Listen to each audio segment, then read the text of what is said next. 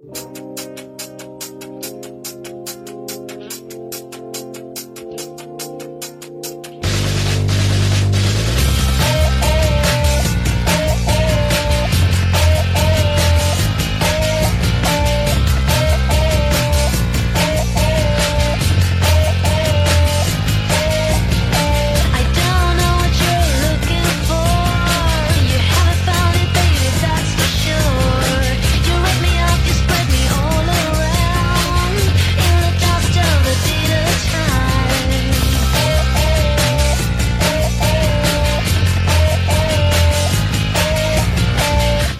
Dzień dobry, dobry wieczór. Witamy w kolejnym odcinku podcastu Bezimienny.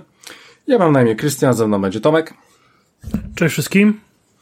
będzie z nami Rafał. Dobry wieczór. E, Słuchajcie, to jest właśnie ten odcinek, e, ten odcinek, czyli nasze goty. E, Ostatnio było, był rok 98, więc idziemy oczko do przodu, idziemy do roku 99. E, Więc tytułem wstępu. Chłopaki wysłali do mnie 15 tytułów, gier, które ich zdaniem były najlepsze w danym roku. Ja zrobiłem to samo, ja zrobiłem to przed nimi, żebym nie sugerował się ich wyborami. E, wybraliśmy sobie listę na Wikipedii, bo tam są fajne te tytuły i tam jest praktycznie wszystko, z pewnym wyjątkiem, o którym e, Rafał zauważył. E, Ale ogólnie tam jest praktycznie wszystko, co wychodziło w 99 i z tej listy wybraliśmy te 15 tytułów. Oczywiście od miejsca pierwszego do miejsca 15 punktowaliśmy to Excel, obliczenie i mamy goty na rok 99. E, oczywiście nie będziemy mówić o wszystkich tytułach, powiemy nasz, nasze top 10. E, no i tak jak ostatnio, e, powiemy też o tytułach, które bardzo, bardzo chcieliśmy, żeby trafiły na tą listę, no ale w, w, przez pewne e, przez pewne nasze wybory nie trafiły na tą listę, więc to ta, taka nasza ławka rezerwowych, każdy powie o jednym takim tytule. E, No i co? No i tyle. E, Słuchajcie, e, no to tytułem wstępu, zanim zaczniemy. Dla mnie 99 rok to był rok, jak przeglądałem te gry, w którym zagrałem bardzo dużo. Gry były naprawdę zajebiste. Naprawdę były zajebiste. Miałem ostry ból głowy, głowie, chyba wybrałem ponad 20 tytułów. Musiałem rezygnować, żeby była ta 15. I słuchajcie, to jest też rok, w którym wjechał u mnie Dreamcast. Więc ja mam bardzo dużo Dreamcastowych gier. Eee, no i, no i te gry zrobiły mi banie, tak? Dla mnie Dreamcast to była taka pierwsza moja konsola. Eee, taka, no, duża, duża pierwsza konsola i te gry zrobiły na mnie genialne wrażenie. Ja pamiętam tamte czasy, że Dreamcast e, był mocniejszy niż Playka e, w, w tamtych czasach, no i gry wyglądały lepiej. E, Sega zrobiła świetny sprzęt i robiła genialne gry, e, jak na tamten czas i No to już mam było nadzieję, 5 że... lat po premierze, nie? Więc poniekąd No, kolejna generacja. To tak. E, to tak, więc e, jeżeli chodzi u mnie, to tam, to ta lista będzie też mocno Dreamcastowa, jeżeli chodzi o mnie. E, no ja tylko mo może mało zaspoileruję, że chłopaki mi niestety w tym nie pomagają, więc o dużej ilości gier pewnie nie powiem. E, no ale tak to, nie, tak to wygląda. E, no i to tyle, jeżeli chodzi o mnie. Wy chcecie Nie, no na jakiś... Dreamcastie to ja zagrałem po raz pierwszy na EGX-ie w Birmingham 5 lat temu. Okej. okej, E, mam no. pytanko, a korzystając z takiego wchodzenia nowych sprzętów, możemy to robić na, na początku lub na końcu, Mhm. ale to mogłoby w sumie dodać jakiś yy, pozakonkursowy bonus. Najlepsza gra na Dreamcasta w Twoim odczuciu? Czy to było coś z tych premierowych tytułów, czy, czy coś, co wyszło dużo później? No to powiem, to ja dzisiaj nie powiem. Bo Okej. e, to, to jest ten rok, w którym wyszła ta gra i po prostu nie powiem. E, chociaż jest e, małe niedopatrzenie, bo ta gra wyszła niby... No dobra, e, powiem o tym później, ale ona jest na mojej liście, ona była u mnie bardzo wysoko, więc e, na pewno nie powiem. E, no. E, wy coś chcecie powiedzieć do swoich list? E, Ja przypomnę, że tak jak powiedziałem na, na roku 98, to 99 tak naprawdę schyłek tego roku był u mnie momentem, kiedy kiedy poszedłem w peceta i to razem e, z moim bratem, więc poniekąd wszyscy się mm, rzuciliśmy na pecety, gdzieś tam mając jeszcze playki, ale, ale e, zaczęliśmy poznawać te inne tytuły.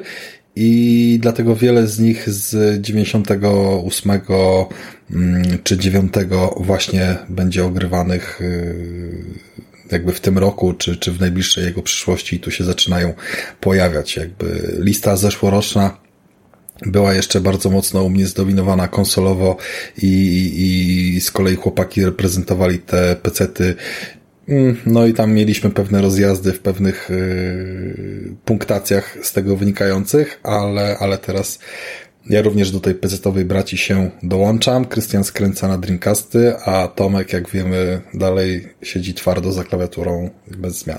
Nie, no tak, no ja dopiero PSP było chyba moją pierwszą konsolą e, na własność i kupiłem ją w e, 2005 albo 2006 podczas pierwszego wyjazdu zarobkowego do Irlandii. A tak, to do tej pory byłem absolutnym pecetowcem. Tomek, a czy ty miałeś takie epizody, że na przykład, y, bo, bo ogólnie jesteś mimo wszystko z Nintendo, y, a przynajmniej niektórymi ich tam, nie wiem, Marianami czy Pokémonami, takie, takie marki, bo z Zeldą to nie bardzo, inaczej byśmy Okarinę w zeszłym roku gdzieś tam plasowali. E, No ale jednak Pokémony i Mariany to, to, to były i nie było czegoś takiego, że na przykład wracałeś do nich i, i z perspektywy czasu wrzucasz je na listę teraz, bo, bo to był sztos? Znaczy, y, ja zawsze starałem się mieć dosyć mocnego kompa, więc y, w tamtych latach gry e, od Nintendo grywałem na różnego rodzaju emulatorach. E, Tak jak wspomniałeś, Zelda, no kompletnie to nie jest mój tytuł. Nigdy mnie to nie interesowało, nigdy też nie, nie próbowałem. Natomiast w Pokémony wsiąkłem przy, przy, przy już Red, e, grając dosłownie przez tydzień na, na, na, na wyjeździe do kuzynki do Wiednia i, i tam gdzieś załapałem jakby tego bakcyla, że, e, że chciałem te emulatory mieć u siebie na komputerze i w nie, w nie później e, grałem. Jeżeli chodzi o Mario, no to wiadomo, no, jako y, typowy Polak ogrywałem pierwsze Mario na Pegasusie, e, nie na, nie na NESie, ani nie na SNESie, tylko właśnie na Pegasusie, e, ale to zawsze był Pegasus u kogoś. E, U mnie w domu konsol nie było, nie, nie było też za bardzo na nich funduszy. Natomiast komputery dostawałem w spadku po kuzynostwie od wujka marynarza, więc, więc tu temat był łatwiejszy. Ja jeszcze nie wiem, czy pamiętacie, był taki emulator na PlayStation.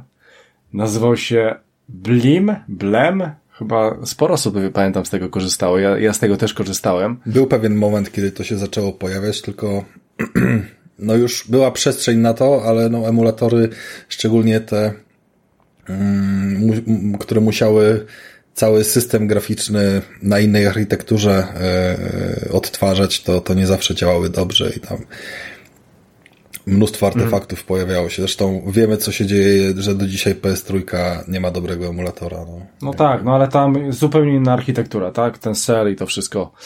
E, ja, No, ja ale tak samo rozumiem. było z PSX-em i PS2 do pewnego czasu, nie?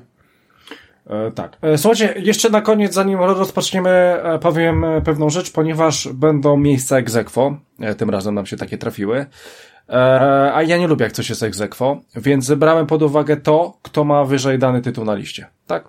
Jeżeli, jeżeli jest, e, no, no to, to samo przejście, nie będę wam tłumaczył po prostu, który tytuł był wyżej na jakiejś liście, to, to był e, oczko wyżej. E, dobra, Ale nie rozumiem. słuchajcie, nie rozumiesz? No.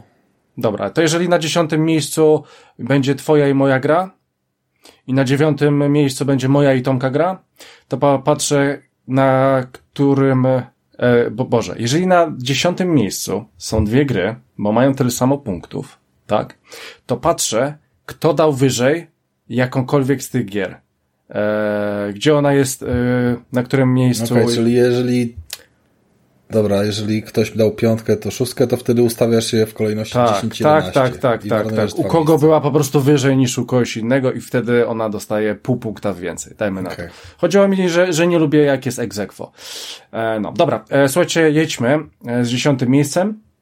Słuchajcie, dziesiąte miejsce, e, gra na PC. Kontynuujemy trochę chyba e, to, co było w poprzednim e, odcinku. E, więc e, Playscape Tournament. E, miejsce dziesiąte. Tomku, ty mocno cisnęłeś, żeby ten, e, e, ta gra była bardzo wysoko, więc e, czemu akurat Planescape jest tu, gdzie jest? I co cię tam w tej grze urzekło? Znaczy to jest, to jest w ogóle era RPGów i jakby zachwytu nad, nad taką grą fabularną, która gdzieś tam wyrosła z tych różnych tekstówek z dawnych czasów, gdzie w lewo e, szło się do jaskini, a w prawo do lasu, e, tam spotykaliście trolla, Mm, ten troll miał jakieś właściwości, mogliście go pokonać, mogliście z nim pogadać, mogliście przed nim uciec. I potem właśnie jakby taka ewolucja naturalna przeszła e, do różnych tytułów Dungeons and Dragons, które zostały przynoszone z papierowego systemu na, na, na ekrany naszych komputerów. E, Był Baldur, był Icewind Dale. I nagle w tym takim świecie e, fantazy, e, można powiedzieć, czy, czy seria Might and Magic, nie mylić z Heroes of Might and Magic, tylko właśnie z Dungeon Crawlerami od, od Might and Magic, czy Wizardy. Nagle pojawia się RPG od znanego studia, który nie jest typowym e, przedstawicielem gatunku elfy, krasnoludy, czarodzieje, e, łotrzycy, e, rangerzy, łucznicy, nie wiem, ludzie, tylko e, pojawia nam się bohater z amnezją, którego najlepszym przyjacielem jest gadająca, latająca czaszka. Jednym z początkowych jakby e, etapów e, jest kostnica. E, My się w ogóle budzimy jako trup, ponieważ nam się zmarło, trafiliśmy do rzeczonej kostnicy i w tej kostnicy próbujemy dowiedzieć się, co się właściwie wydarzyło i dlaczego, dlaczego jesteśmy tu, gdzie jesteśmy.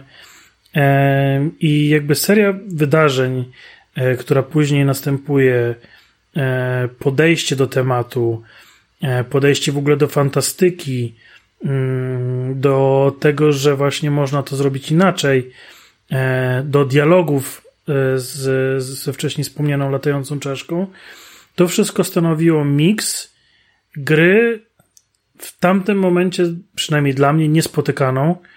E, I mimo, że Planescape do, do, doczekał się kontynuacji, powiedzmy, e, jeżeli chodzi o nazewnictwo, jeżeli chodzi o świat przedstawiony, e, w postaci Tide of Numenara, bodajże tak się to, e, to, to, to miejsce nazywało. I ta gra została absolutnie zjechana. Mi się bardzo podobała, ale nie, nie, nie było jednak mimo wszystko to taką typową kontynuacją. To gdzieś tam, gdzieś tam ma jakieś związki, gdzieś to jest podobne w, na zasadzie świata stworzonego, ale nie jest to taka typowa kontynuacja, tak jak Baldur's Gate 2 do Baldur's Gate 1, e, czy nawet Icewind Dale. To, to tutaj było to troszkę inaczej. Więc jest to dla mnie taki tytuł mocno unikatowy e, po dziś dzień i przyznam się szczerze, że co jakiś czas wracam do niego. Ostatnio e, taką okazją było wydanie na Switcha, gdzie zostały wydane jakby dwie e, dwa kartridże, nazwijmy to. E, jedne właśnie z, z, z Baldurami, a drugi z Icewind Dale'em i z Planescape'em. I co więcej, nawet kupiłem sobie edycję kolekcjonerską tego, e, tego wydania i miałem właśnie okazję sobie pograć na Switchu, więc e, jest to dla mnie taki tytuł e, unikatowy, pokazujący właśnie, że można coś zrobić inaczej, a jednocześnie jeden z najlepszych RPGów, jakie kiedykolwiek dane nam było grać. Mm, Dokładnie tak. E, Ja też miałem to na liście. Ja niewiele pa- pamiętam z Planescape'a. Na pewno tego e, nie przeszedłem. Miałem wrażenie, że był cięższy niż Baldur's Gate. e, mechanicznie był cięższy. Jakoś mnie nie porwał, aczkolwiek to, co tam ograłem i to, jak się przy nim bawiłem i to, czym Planescape ogólnie był, no spowodowało to, że, że musiałem e, go tam troszeczkę mimo wszystko wcisnąć, no bo, no bo wiem, że tam e, fabularnie wiem, że było dosyć mocno i dosyć ciekawie. No właśnie, wydaje mi się, że trudność Planescape'a właśnie nie wynikała z e, trudności w walce, e, tylko w trudności ze zrozumieniu tego świata i e, ona była bardzo przygodowa e, w, w kontekście przygodówek lat 90. E, czyli była lekko abstrakcyjna w, w, w tych rozwiązaniach, nie podawała rzeczy na tacy i tam było bardzo dużo takiego troszkę kombinowania, które nie do końca było logiczne. E, I tak jak, tak jak wspominałem e, w poprzednim odcinku naszego podcastu, w tamtych czasach, w latach 90., nie było dostępu ani do poradników, ani do YouTube'ów, ani do, do, do różnych innych rzeczy. Wszystko to musieliście sami przejść, ewentualnie mogliście pójść do szkoły, pogadać z kolegami, którzy też mogli mieć podobny problem. E, Więc e, przechodzenie tego i rozwikływanie tych zagadek i właśnie takie ożywione dyskusje na przerwach to była też kwintesencja tamtych czasów. Mm, tak. E, dobra, więc zostawmy e, Planescape'a na tym miejscu dziesiątym. Idź, idźmy o oczko wyżej, miejsce dziewiąte. E, miejsce dziewiąte, co ciekawe, mamy na tych samych, e, na tych samych pozycjach ja z Rafałem, ale oddam Rafałowi głos, bo, bo, bo mało na razie mówił, więc Rafale, na miejscu dziewiątym jest Crash Team Racing. Więc proszę. e, czemu Crash Team Racing i co w nim było takiego zajebistego? Ja też mam tutaj historię. Crash Team Racing dlatego, bo nie Mario Kart. To jest jakby, wiemy doskonale, że to jest kopia czegoś, co wyszło wcześniej, co było świetne. Natomiast Crash Team Racing nie był trudniejszą grą trochę? Masakrycznie był. trudno. Crash Team Racing jest trudną grą nawet y, dzisiaj. Ja wciąż mam go zainstalowanego na konsoli w wersji z remake'u.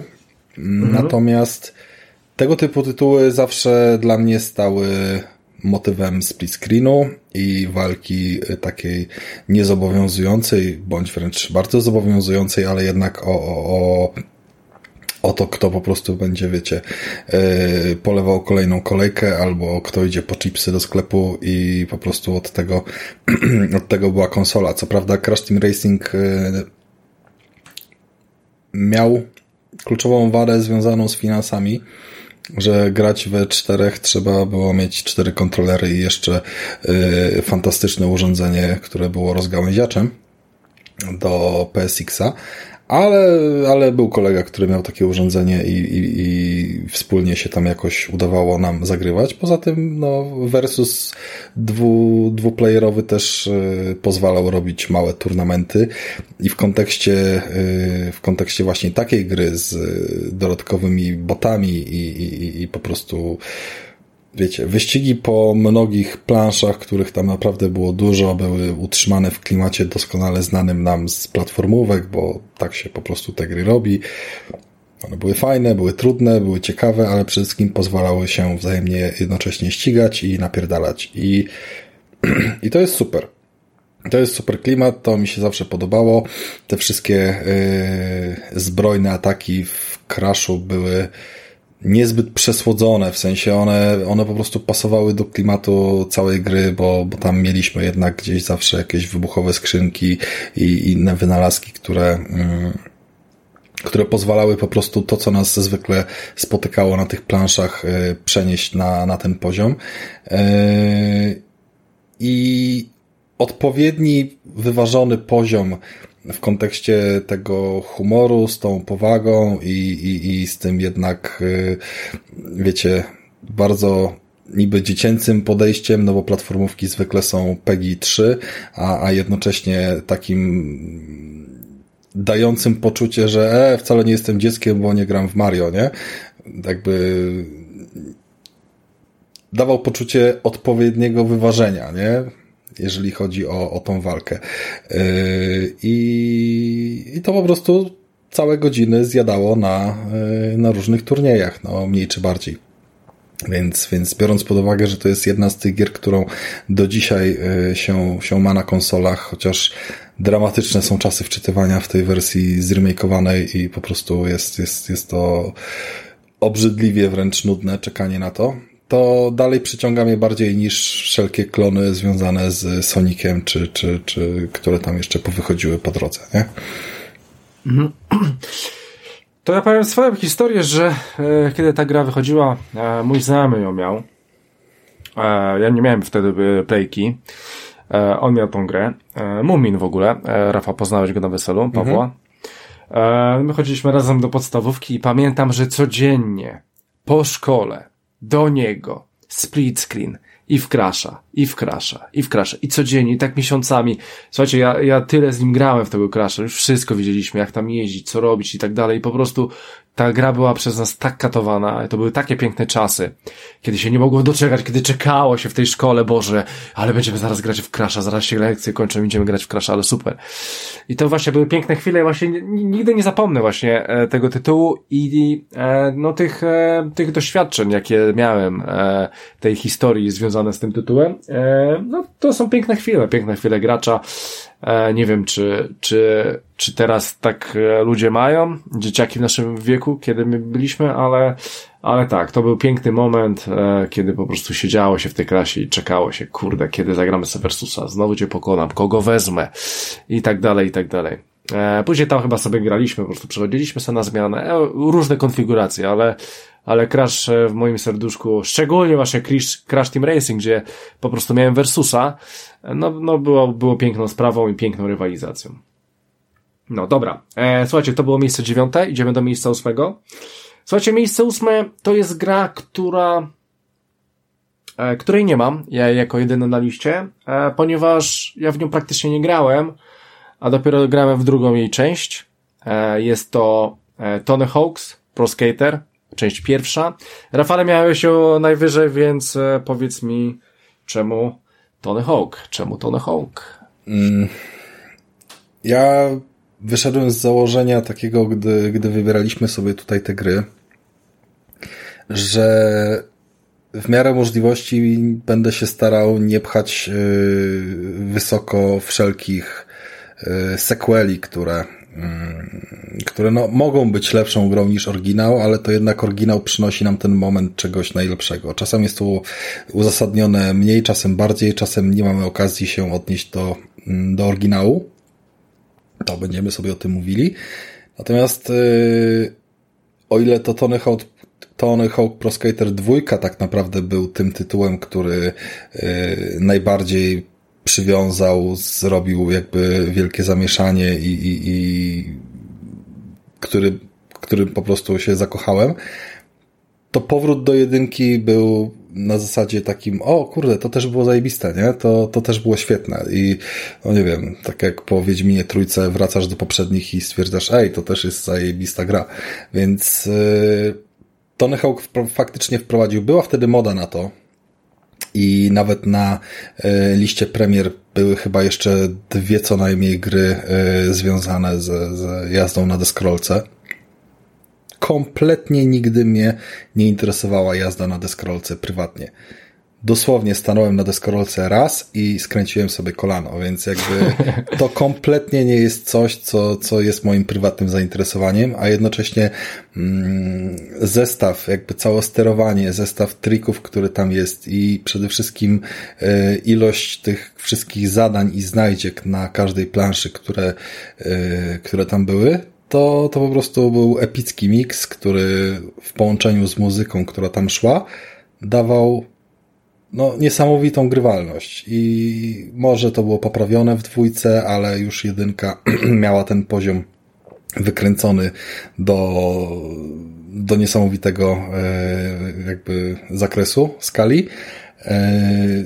E, jako ciekawostkę powiem, że y, ja wiem, że Tony Hawk wskoczył w którymś momencie w jakimś tam plusie czy, czy coś, ale zanim wskoczył, to całkiem niedługo po premierze kupiliśmy go na Epiku, bo jakieś tam były kupony, 30%, coś i, i wyszło w sumie całkiem naprawdę niedrogo za, za tą kolekcję odświeżoną na PC-cie. Y, ja trochę pograłem, ale miałem powiedzmy, że już już lepsze rzeczy do roboty w, w, w ostatnim roku, czy, czy kiedy to tam było. I, i, I starałem się skupiać na tych nowszych tytułach, natomiast y, Patrycja platynowała, że tak się wyrażę, czyli y, 100% na każdej planszy, zarówno w jedynce, jak i w dwójce. Zajęło jej to parę miesięcy. Mało ra parę razy tym laptopem, wiecie, gdzieś nie wykurwiła w ścianę, ale po prostu nie potrafiła się oderwać, dopóki tego nie zrobiła. I, i to wszystko po 20 latach, nie? Od premiery, bo, bo, bo tak dobre to są gry, więc nieraz na pewno będziemy mieli na, yy, na naszych tutaj goty gry, które się doczekały później remake'ów i, i, i w 98 też był Crash, było Spyro i co tam jeszcze. No i to jest jeden z takich przykładów, po prostu nie sposób o tym nie wspomnieć. Już żaden Tony Hawk, potem trójka, czy cokolwiek potem wychodziło innego. Wątpię byśmy mieli na jakiejkolwiek liście jeszcze jakąś grę o deskorolce. E, to, Nie no, dwójka, no zdecydowanie Tony Hawk Pro Skater 2 będzie na mojej liście i to dosyć wysoko.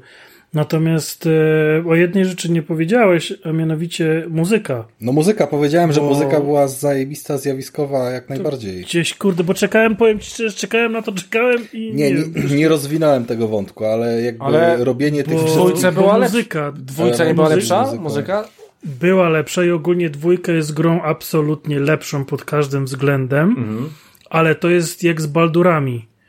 E, jedynka jest grą genialną, a dwójka to jest absolutna legenda i tak samo tutaj e, jest z Tony Hawkiem. E, to, co zrobili w jedynce, pokazało, że to się może spodobać i wykręcili w kosmos dwójkę. Potem trójka, czwórka, potem w ogóle zabrnęli w jakiś dziwny, ślepy zaułek z bieganiem e, po, po, po mieście, no, z deskorolką pod pachą.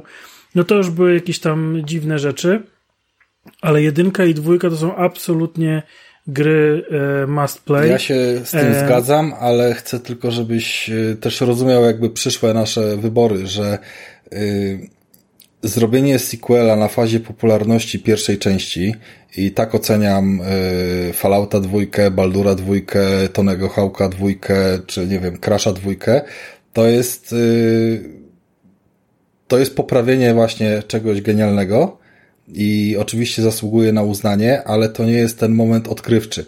Yy, Gdybym miał to przyrównać na przykład, nie wiem, do Metal Gearów, to każdy z nich jest na jakiś sposób wyjątkowy, ale jeżeli one wychodziły na kolejnych generacjach i, i tak naprawdę na całkowite inny poziom, wiesz, coś wykręcało się, mm, no to mówimy o całkiem innym podejściu, nie? Ale nie będę puszczał, wiesz, Gran Turismo dwójka, bo zrobiła nowy rekord, a potem trójka, nowy rekord, a potem czwórka. No nie, no, ale no, no, wiadomo, no, ja też nie będę wymieniał wszystkich Call of Duty, ale, ale akurat w przypadku Baldurów, Falloutów i e, Tonego Hawka absolutnie trzeba powiedzieć, że i jedynka i dwójka i to są równorzędne gry. Dlatego zajebiście, że wyszły w ogóle w kolekcji jako jedynka i dwójka razem, bo uważam, że tak, tak, połączenie tych dwóch gier jest najlepszym możliwym rozwiązaniem i tym bardziej z tego miejsca zachęcamy Was albo sobie odgrzebcie to z y, PS Plusa, Tylko albo nie wiem, sobie... nie wiem, czy pamiętacie, też y, była taka afera z plakatami, bo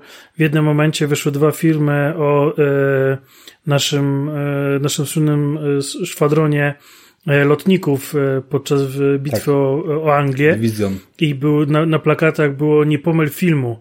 Tak samo tutaj jest nie pomylcie e, remake'u, bo Tony Hawk ma dwa remake'i i jeden jest absolutną kaszaną, gniotem i powinni to spalić i, Nie, nie, zakopać no mówimy o tym, co wyszło na koniec generacji PS4 Tak, 2-3 tak. lata temu. Natomiast Wydaje to, mi się- to najnowsze, to jest w ogóle- jest, e, które jest 1 plus 2 się chyba nazywa dokładnie. 1 plus 2. To jest Czy to, to, jest nie to, jest w Activision? To jest w Activision, czyli to będzie za chwilę w Game Passie. Aż, no tak, w sumie tak. Powinno Tak, być. tak, tak. To Krystian, będzie jak tam, jak tam Plus- e, wujek dzwonił, powiedział kiedy będzie? Będzie przysz... ten rok, 2024. Tonego dostaniecie w tym roku. No i w plusie też było, więc e, jeżeli przeszukacie bibliotekę, to być może jest to gdzieś tam dodane na liście, bo w którymś miesiącu w zeszłym roku chyba albo jeszcze poprzednim było. W tym roku chyba, bo w tym roku było cztery tytuły z Activision wrzucone. Mm, przed zakupami, więc, więc był taki moment. I, I w Epiku też to jest i na PC. No nieważne, grajcie gdzie chcecie, ale wróćcie sobie do tego, bo to jest świetna rzecz. Tak, dobra, słuchajcie, e, na pewno wydaje mi się, że do Tonego Hołka do końca naszej listy wrócimy. E, tak, bo e, e, dobra, bo słuchajcie, no będziemy robić ją, bo nie powiedziałem na początku tego, będziemy robić do 2000 prawdopodobnie 24 roku, więc będzie te jeszcze 20 ileś odcinków. E, dobra, słuchajcie, e, miejsce siódme. Miejsce siódme to jest to jest tytuł, którego również nie miałem na liście, ale miałem je na liście 21 tytułów, o których mówiłem na początku, ale do 15 nie, niestety mi się e, nie, nie, nie, nie załapało się, ale było bardzo wysoko u Rafała. Rafał, jest to chyba jedna z twoich ulubionych gier, a na pewno ulubionych formuł, ponieważ jest to Driver. I dlaczego driver? Dlaczego driver? E, Ja, ja tylko powiem tytułem wstępu, ja to tylko pamiętam jako e, wyścigi samochodów z fabułą. E, I możesz mówić. Myślę, że to to jest, to, to nie były wyścigi. Driver Aha, no w sumie nie był masz grą rację. No wyścigową. tak, tak, tak, masz rację. Tak, tak. Driver to było GTA bez wychodzenia z samochodu. No tak, w sumie tak. To było to. Jeździłeś autami, co prawda różnymi, fabularnie uzasadnionymi, yy, odbierałeś ekipę z napadu na bank, ścigałeś się z policją i robiłeś wszystkie rzeczy z GTA, które się nie wiązały z wysiadaniem z samochodu i pierwszy raz w historii robiłeś to w trójwymiarze po Yeah. całym wielkim mieście. Driver jest jedną z tych gier, które miałem wgrane na Anbernika, gdy mi przyszedł. Zakładam więc, że wszyscy macie i nawet sobie w tego, jak odpaliłem oryginalnego drivera, to, to z automatu wsiąkłem na, na, na dobrą godzinę, żeby sobie tam trochę pojeździć i rozwiązania graficzne, jak dzisiaj na nie patrzymy, to mm, wiecie, z tyłu wielka bitmapa, która pokazuje panoramę miasta, a nam się pojawiają budynki tak naprawdę 50 metrów przed nosem.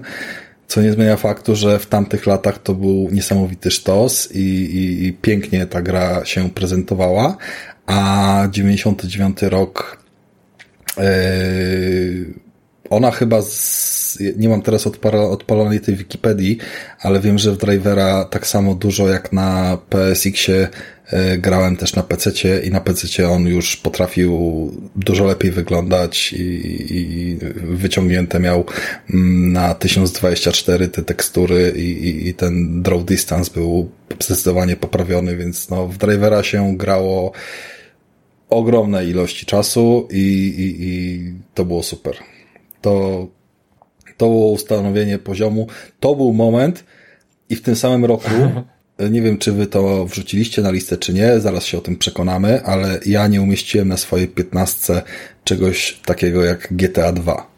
Dlatego, że to było dla mnie po prostu takie rozmazane i byle jakie y, fajnie poprawione, ale wciąż z góry GTA 1. Niby tam był jakiś trójwymiar, żeby wiecie, y, się dobrze budynki skalowały, ale oni musieli wtedy spojrzeć na drivera i stwierdzić, o kurwa, panowie, robimy to.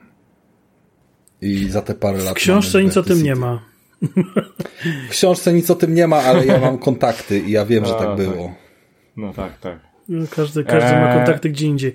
Ja tylko chciałem powiedzieć, że ja drivera długo nie potrafiłem docenić, ponieważ e, jak już e, nas może słuchacie chwilę, wiecie, że chociaż lubię gry samochodowe, to jestem w nich absolutnie beznadziejny.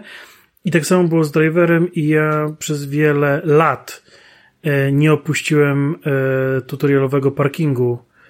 Tak, ale on był mega trudny, jakby to, umówmy się, driver potrafił dawać w kość i, i, i te wszystkie jakby, no to było jeżdżenie klasycznymi amerykańskimi samochodami, które paliły gumę. Tam, tam był oddzielny przycisk, żeby wciskać pedał do końca tak, żeby palił gumę, tak zwany burnout. Miałgoś sobie krzyżykiem przyspieszać normalnie, a kółkiem palić gumę.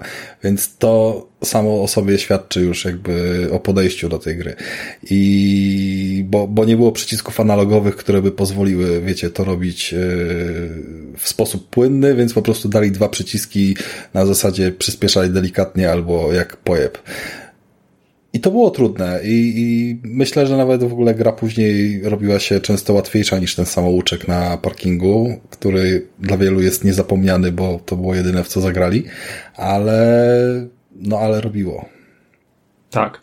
E, no niestety ja drivera nie miałem. Tomku, chcesz jeszcze coś dodać do drivera? Nie, Czy- bardzo ładnie Rafał powiedział. Właśnie chciałem tylko wspomnieć o tym parkingu, bo to jest naprawdę e, wymowne i rzadko się zdarza, żeby e, poziom tutorialowy tak wielu graczy nie puścił dalej. E, dobra, e, więc jedziemy dalej z kolejnym miejscem. E, tym razem będzie numerek 6.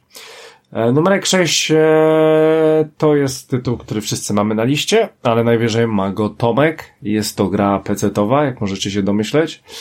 I jest to Age of Empires, część druga. Tomku, O. czemu Age of Empires? Właśnie. I Age of Empires również jest taką grą, gdzie warto wspomnieć o dwójce. E, ta seria miała pecha, bo po bardzo dobrej jedynce i po świetnej dwójce e, twórcy nie bardzo wiedzieli, co jeszcze mogą zrobić. E, I, i to, co to, to, dokąd ona zawędrowała, nie do końca e, mi się podoba. Grałem w te gry, ale E, ale to jednak nie to. Natomiast Age of Empire 2 jest jednym z tych pierwszych remasterów, które do nas dotarły, czy tam wersji HD, za które zapłaciłem pieniądze. E, Mimo, że zupełnie bez sensu, bo e, teraz jak gdzieś tam jestem mądrzejszy i raczej e, szukam modów HD niż wersji HD, ale gdzieś chciałem jednak podkreślić e, ważność tej, tego tytułu. E, W ogóle 99, koniec właśnie lat 90., początek e, lat 2000 to jest jeszcze czas, kiedy ja gram w bardzo dużo RTS-ów.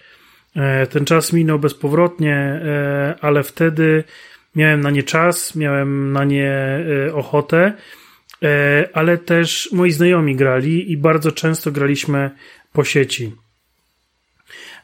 I chociaż oczywiście tutaj StarCraft zdecydowanie był taką grą bardziej competitive, czyli że rozgrywki były szybsze, były bardziej, no, wtedy się nie mówiło tak głośno e, takich słów, ale no powiedzmy e-sportowe, tak?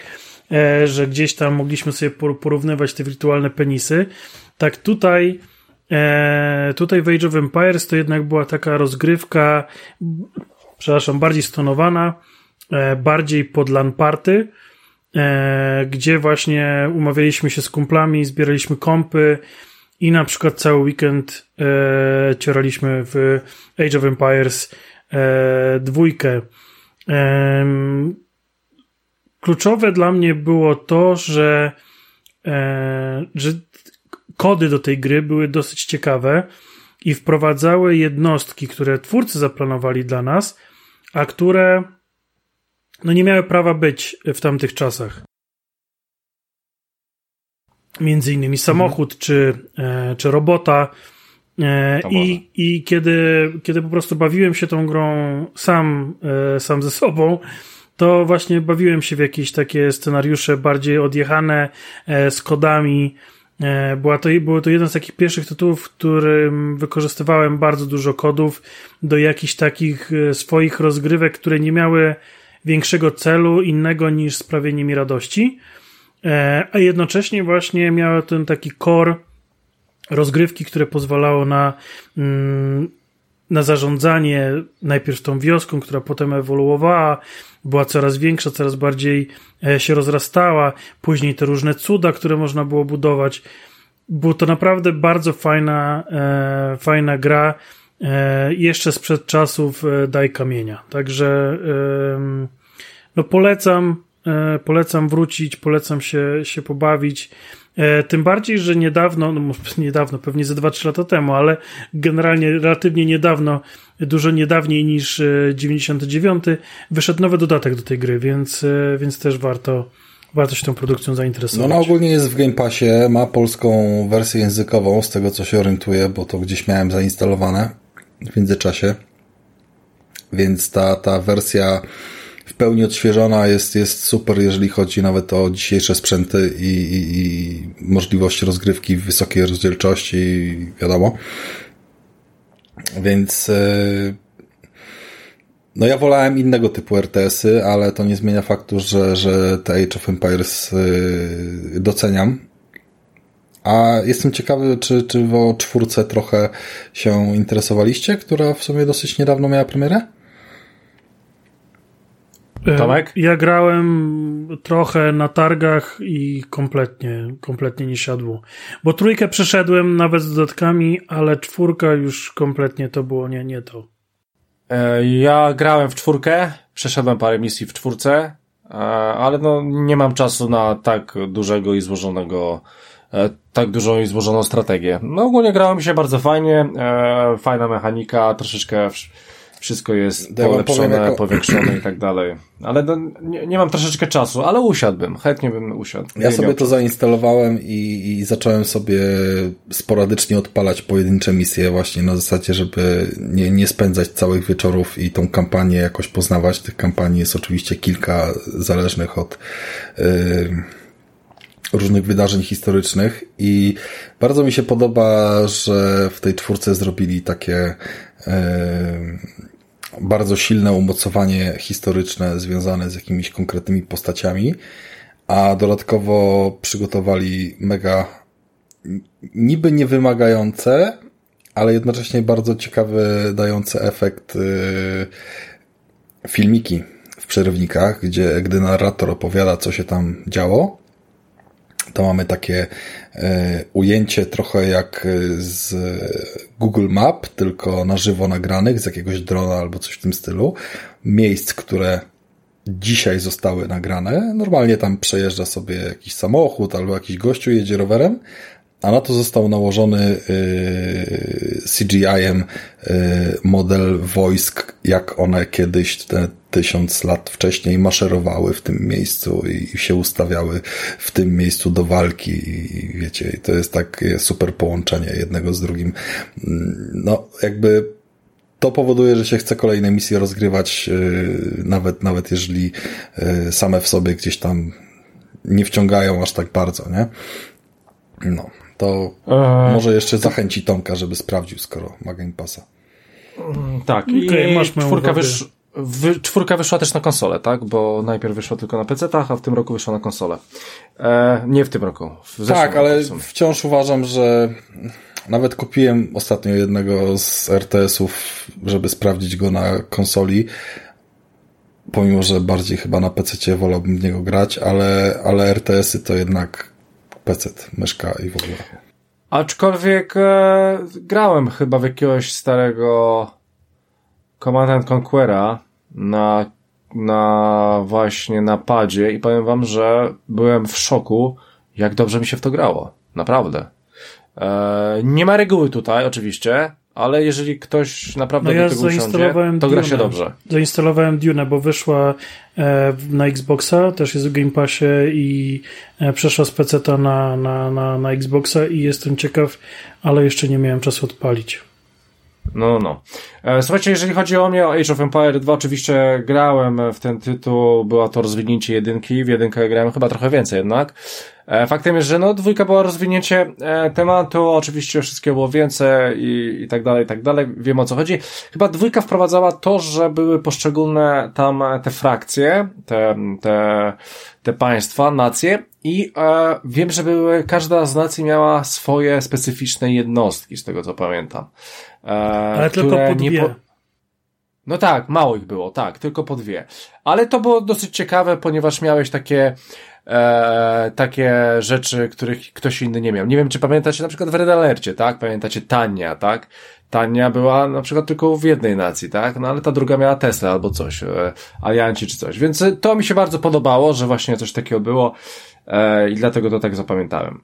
No dobra, e, słuchajcie, jedziemy dalej. Miejsce numer 5. Miejsce numer 5 to jest coś, co wszyscy mają na liście, ale ja mam na s- mm, najwyżej, więc e, ja o tym tytule powiem. Słuchajcie, jest to Rollercaster Tycoon. no, Tycoon jest to pierwszy Rollercaster Tycoon, tych Tycoonów wyszło dużo. Słuchajcie, no historia z tym tytułem, jeżeli chodzi też o mnie, no to e, PC to w ogóle była taka platforma do gry, w której e, było bardzo dużo strategii, gier ekonomicznych i tak dalej. Ja w to wchodziłem, ja w to wchodziłem, ja mi się to bardzo podobało. Myślę, że Rollercoaster Tycoon jest chyba pierwszym tego typu ekonomicznym tytułem, który tak mocno mi podszedł. Słuchajcie, ja byłem pojebany, jeżeli, jeżeli chodzi o ten tytuł. Ja później sprawdzałem sobie parki, czy tam można mieć prawdziwe parki, czy te parki znajdują się w innych krajach i tak dalej.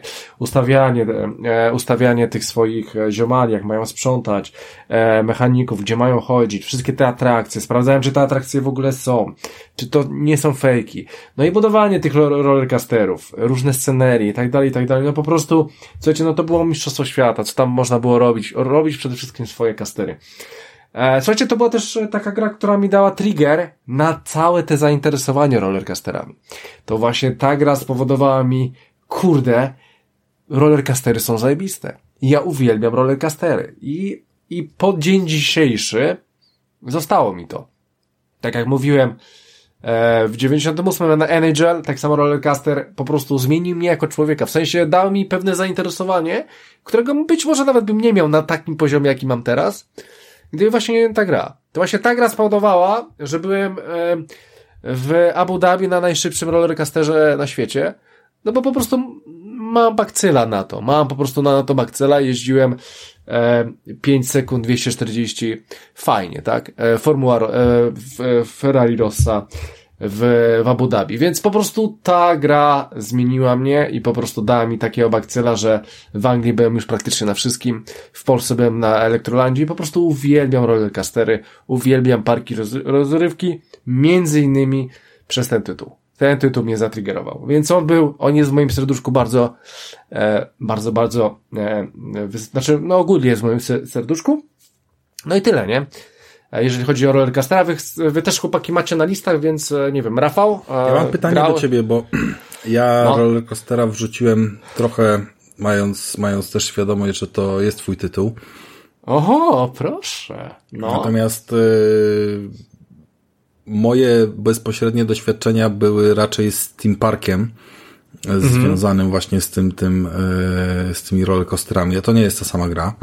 A wiesz, że w, na tej liście był Dim Park właśnie? Mhm. Tom, tom, tom. I nie dałeś go do listy. Tom, tom, tom, tom, tom, tom, tom. Dobra, no. Wiem, ale no już, już jakby powiedziałem ci dlaczego. No Ale tak, Dim mi, Park, no, no mów. To, co mi no, się dobra. najbardziej... Team Park był kreskówkowy, był Team Parkiem. Był casualowy, przyjemny, przyjemny, no. Tak. Czy Jak 3D, w 3D był. Tajkonie można było korzystać z tych swoich atrakcji i mieć to wrażenie, że, że sam sobie testujesz, przejeżdżasz tymi Nie, kolejkami? nie, chyba w pierwszej części nie można było wejść do atrakcji. A właśnie to mi najbardziej zapadło z Team Parku, że można było Tak, przejść tak. w pierwszą osobę i... i Ale tam miałeś 3D. Aha. Dim Park był w 3D, tak? A Rollercoaster był w 2D. Dwójka też była w 2D, w dwójce chyba też nie dało się wchodzić, dopiero w trójce można było wejść. No i tam czwórka i tak dalej, Planet Caster i tak dalej, ale nie, nie, nie, tu nie można było wejść. E, no.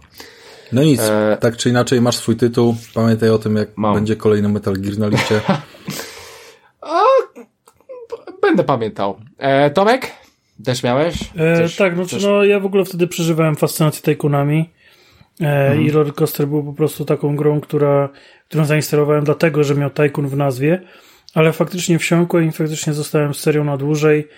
Mm, podobało mi się to pełne zarządzanie parkiem. E, zatrudnianie nie tylko, jakby nie tylko budowanie, ale e, ca, całość zarządzania. I chyba to najbardziej mi tak zaszło w pamięć, że, że, że było to wszystko takie mm, spójne, że faktycznie no, to trzeba było te wymiociny zamiatać. Mm, Trzeba było, dokładnie tak. No i, no i tak, e, jeżeli chodzi od, od e, strony ekonomicznej, no to ta gra po prostu miała piękne mechanizmy w sobie zawarte i po prostu to działało, tak? E, Trzeba było kombinować. Dopiero dwójka wprowadziła, pamiętam, e, Six Flags, czyli najbardziej popularną e, firmę na świecie, jeżeli chodzi o parki rozrywki, które są w, w Stanach i faktycznie te parki były odzorowane jeden do jednego, ale to dopiero dwójka. Wiem, że do tej jedynki było bardzo dużo dodatków, e, było też modów i tak dalej, ale ja w ogóle w to nie wchodziłem. E, No po prostu sobie grałem w to, co miałem, przechodziłem to sobie i tak dalej. No dobra, słuchajcie, piąte miejsce to był Rollercoaster Tycoon. Słuchajcie, czwarte miejsce. Mm, chcę zacząć od czwartego miejsca w ten sposób. Słuchajcie, czwarte miejsce to jest jedyna gra, żeby tego nie spierdolić. E, dobra, nie pokuszę się o to, bo nie jestem pewny. Albo dobra, zaryzykuję tym stwierdzeniem. Słuchajcie, to jest jedyna gra, która znalazła się z Dreamcasta na naszej dziesiątce. Eee, nie było mnie najwyżej, jeżeli chodzi o Dreamcastowe gry, ale zagrałem w nią bardzo, bardzo dużo. Ale widzę, że Tomek dał, miał ją wyżej na liście, więc Tomek zaczniesz. Ponieważ był to Quake 3 Arena. Czwarte miejsce Quake 3 Arena, więc Tomku, domyślam się, że ty akurat grałeś w to na PC. No nie grałem w to na Dreamcastie nigdy.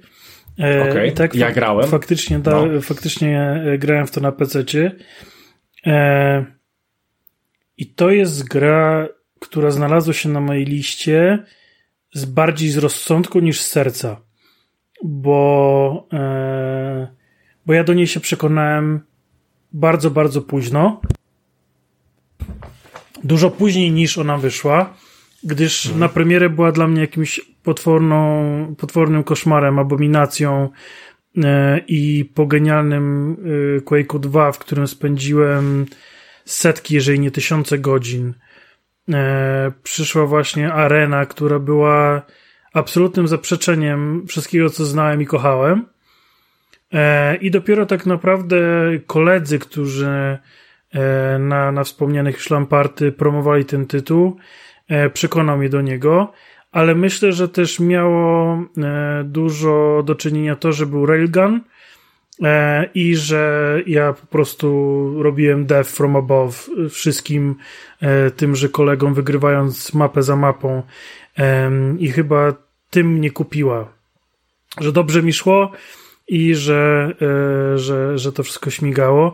Do tego stopnia, że e, nawet na lekcjach informatyki w liceum e, nauczyciel zakładał się z nami mm, o to, kto wygra właśnie mapy na, na, w Quake'u.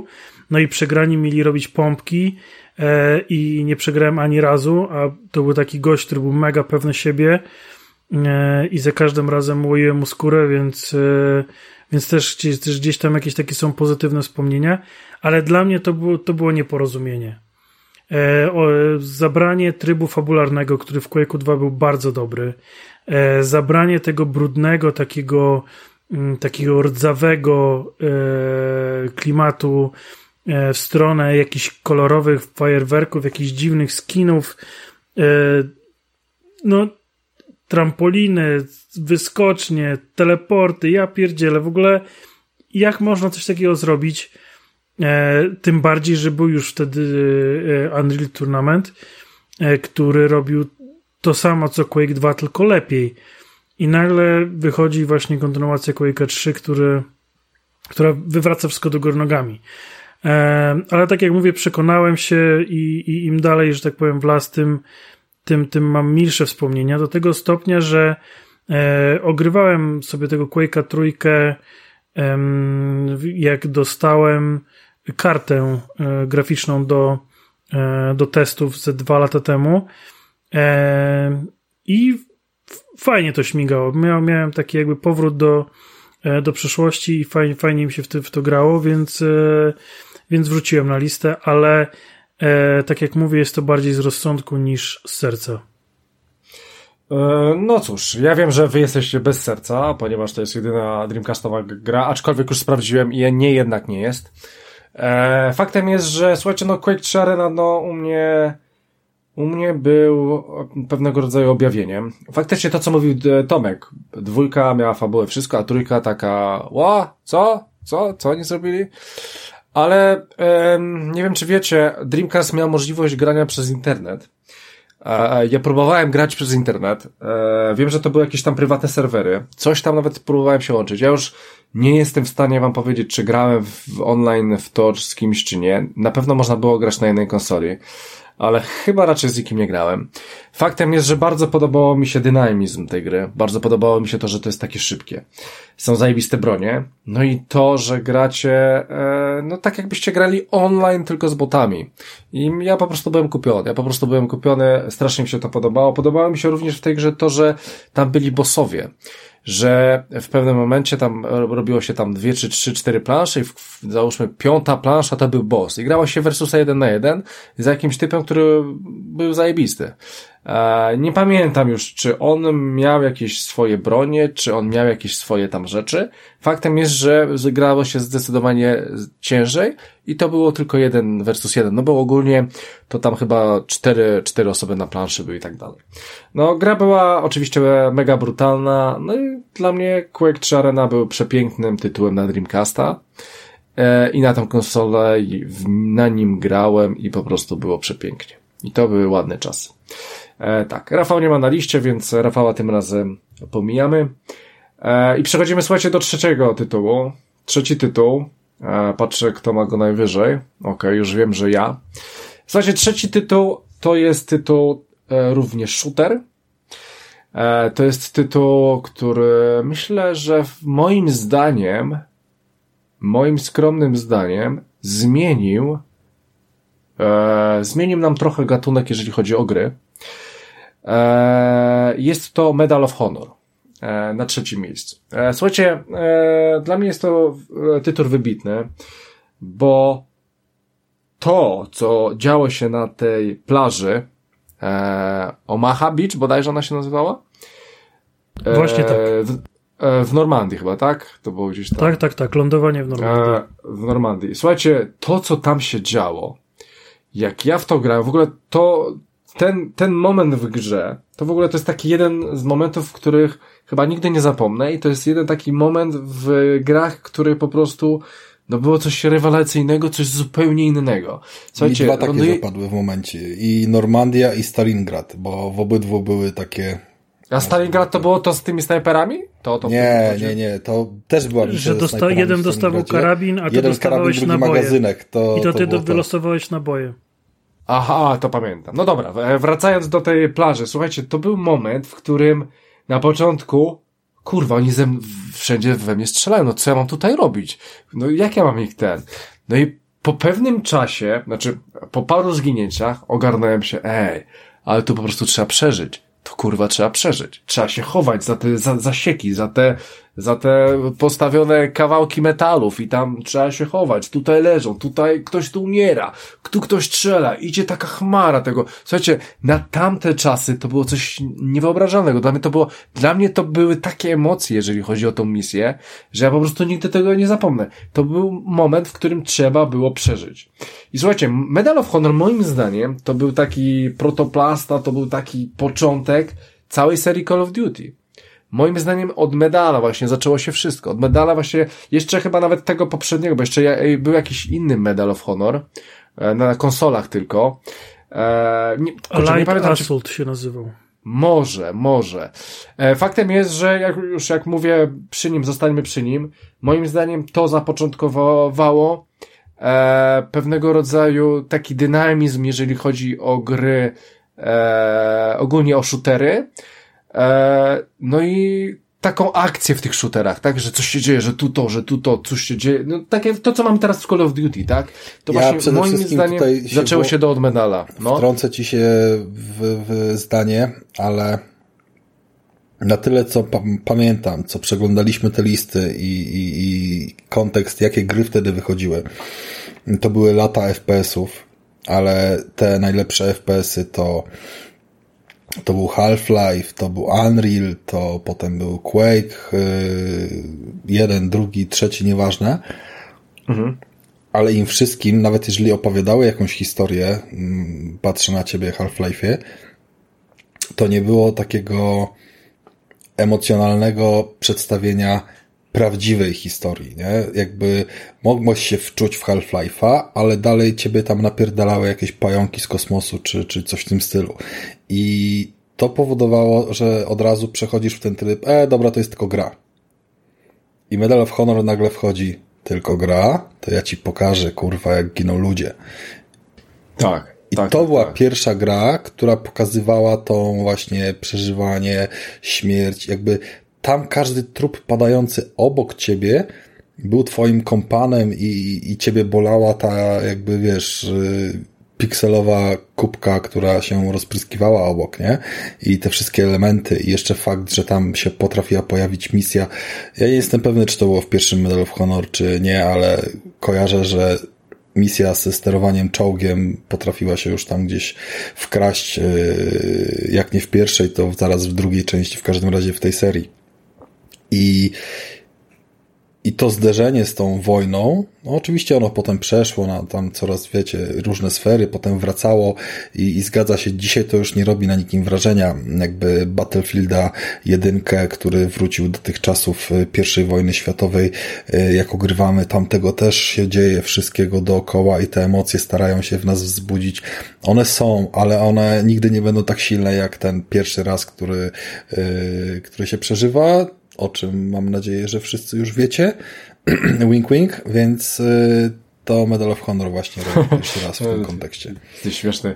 E, Tomku, ty też miałeś e, medala? E, e, jak tam wspomnienia z medalem? Nie, no kapitalne. No, to była gra genialna i, i jakby e, te początki właśnie walki z Call of Duty o miano najlepszego shootera no były piękne, więc no to już dużo zostało powiedziane.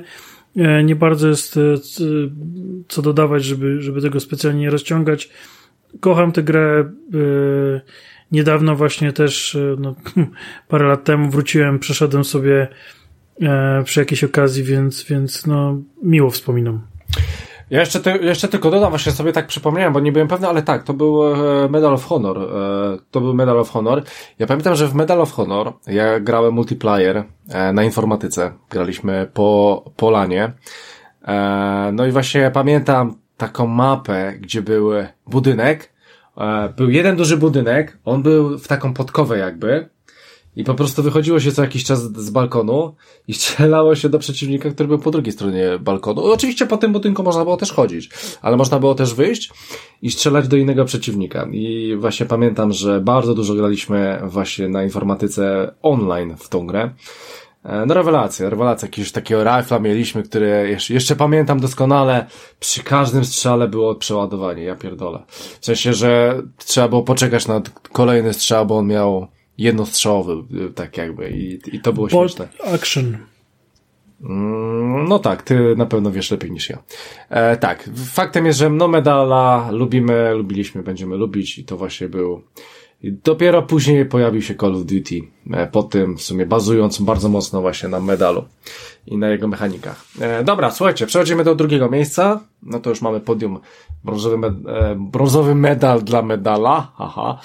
E, słuchajcie, drugie miejsce, drugie miejsce, no to już drugie miejsce było wspomniane, tak?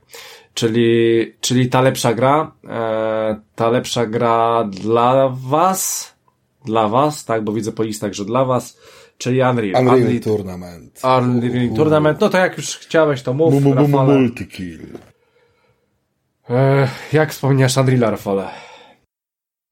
Powiem Ci tak, gdy rozmawiamy o tym tytule, w zasadzie już nawet gdy o Quake'u rozmawialiście, to mi w głowie przygrywała muzyczka z Unreala, biegałem sobie po mapach, które pamiętam z Unreala do dzisiaj, e, słyszałem komunikaty, które nigdy z tej pamięci nie znikną, odnośnie różnych fajnych headshotów, czy multikilli, czy innych tam ciekawych zjawisk. No i, i ten Unreal po prostu co ciekawe, ja nigdy nie byłem graczem multiplayerowym i w tamtych latach to, to wcale się yy, jakby wcale nie było inaczej, ale ogrywanie tego Unreala z botami na różnych poziomach trudności, przechodzenie jakichś tam scenariuszy, które były wgrane, bo była jakaś pseudokampania rozgrywająca się po tych mapach i, i po prostu to mam tak wryte w mózg i tak dobrze się w to grało, tak fajnie były poprowadzone te bronie, to, że każda z nich miała przyjemny, alternatywny tryb strzału, że one były jakieś takie mm, one były, mam wrażenie, w moim odczuciu pomimo, że wyimaginowane, to bardziej rzeczywiste niż te w Quake'u. I, I ten Quake yy, w momencie, kiedy te gry tak ze sobą konkurowały, mówimy oczywiście o tym arenie, tak, trójce, on był po prostu przeciągnięty przez ten cały klimat jakichś demonów czy chuj wie czego, że tam stworki takie potrafiły biegać i tak dalej. A tu mieliśmy w miarę kumaty klimat science fiction, bo można było tam jakieś mieć roboty czy coś. Tam się wgrywało mody, tam się biegało, capture the flag, no po prostu setki, jak nie tysiące godzin. Ja nawet tego Unreal'a grałem już na nowym PC-cie jakby i tylko pobierałem, więc jakby nie ma przebacz i, i to po prostu się musiało odbyć zawsze i, i wszędzie i to jest, y, to jest gra, która nie mogła Fajnie, że ma srebrne miejsce. Ja jestem już święcie przekonany, co jest też na pierwszym miejscu, więc też się cieszę i, i nie zabieram więcej. Chętnie poznam wasze historie z Unrealem. E, Tomku, ty miałeś się na tym samym w sumie miejscu co Rafał. No tak, no jakby no Unreal Tournament to jest, to jest gra wielu, wielu, wielu LAN party e, i mimo upływających lat e, był to tytuł, do którego zawsze wracaliśmy i na którym, w którym zawsze rozwiązywaliśmy wszystkie spory. E, był, To był taką dla nas grą em, idealnego balansu, że nie czuliśmy, że któraś broń jest gorsza, któraś jest lepsza. Oczywiście był ten podstawowy pistolet, który, który, który gdzieś tam e, no, odstawał od reszty, ale tak e, każda inna e, broń była odpowiednia dla odpowiedniej osoby. Jedni biegali z flakiem, inni biegali z rakietnicą, inni biegali z, e, z niestety nie pamiętam teraz nazwy tej broni, ale takiej e, strzelającej promieniem albo strzelającej e, kulką i jak się w tą kulkę trafiło promieniem, to się robiło większy wybuch e, i zrzucającą na przykład ludzi w ten sposób z, e, z, z planszy i zabijając ich grawitacją.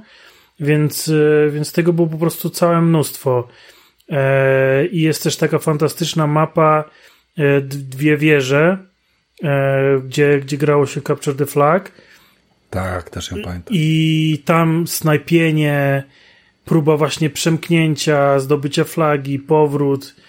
No, no, Ja w ogóle byłem mega zachwycony, jeżeli tak o broniach rozmawialiśmy, to mega zachwycony byłem e, po pierwsze przy Flag Canyonie konceptem wywalania granatów, które miały tą swoją fizykę, że, że, że leciały po łuku, a, a po drugie, że były te bronie z opcją no, ta atomowa rakieta Redemer, e, którą można było wystrzelić w trybie no, sterowania kamery z nią, nie? To, to chyba też taka... Tak, to Niki- też była niezła bajka.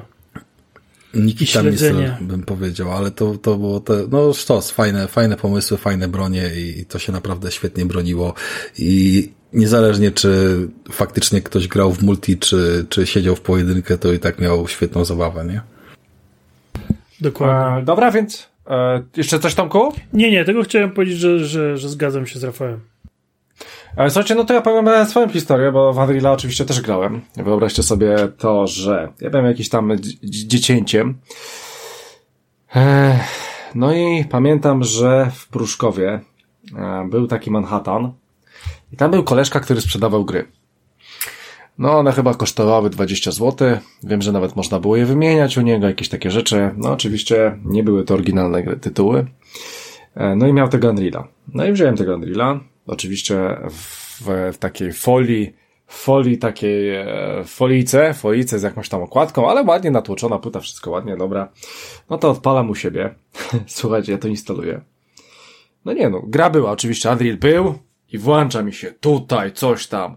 Słuchajcie, rosyjski lektor mówiący po polsku. No kurwa, nigdy tego nie zapomnę.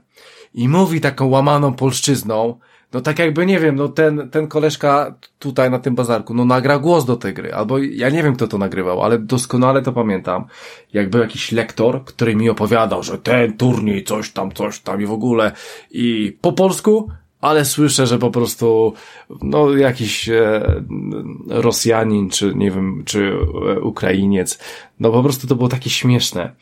E, ja dopiero później w ogóle skapnąłem się, że kurde, ale ten lektor jest jakiś taki dziwny, nie?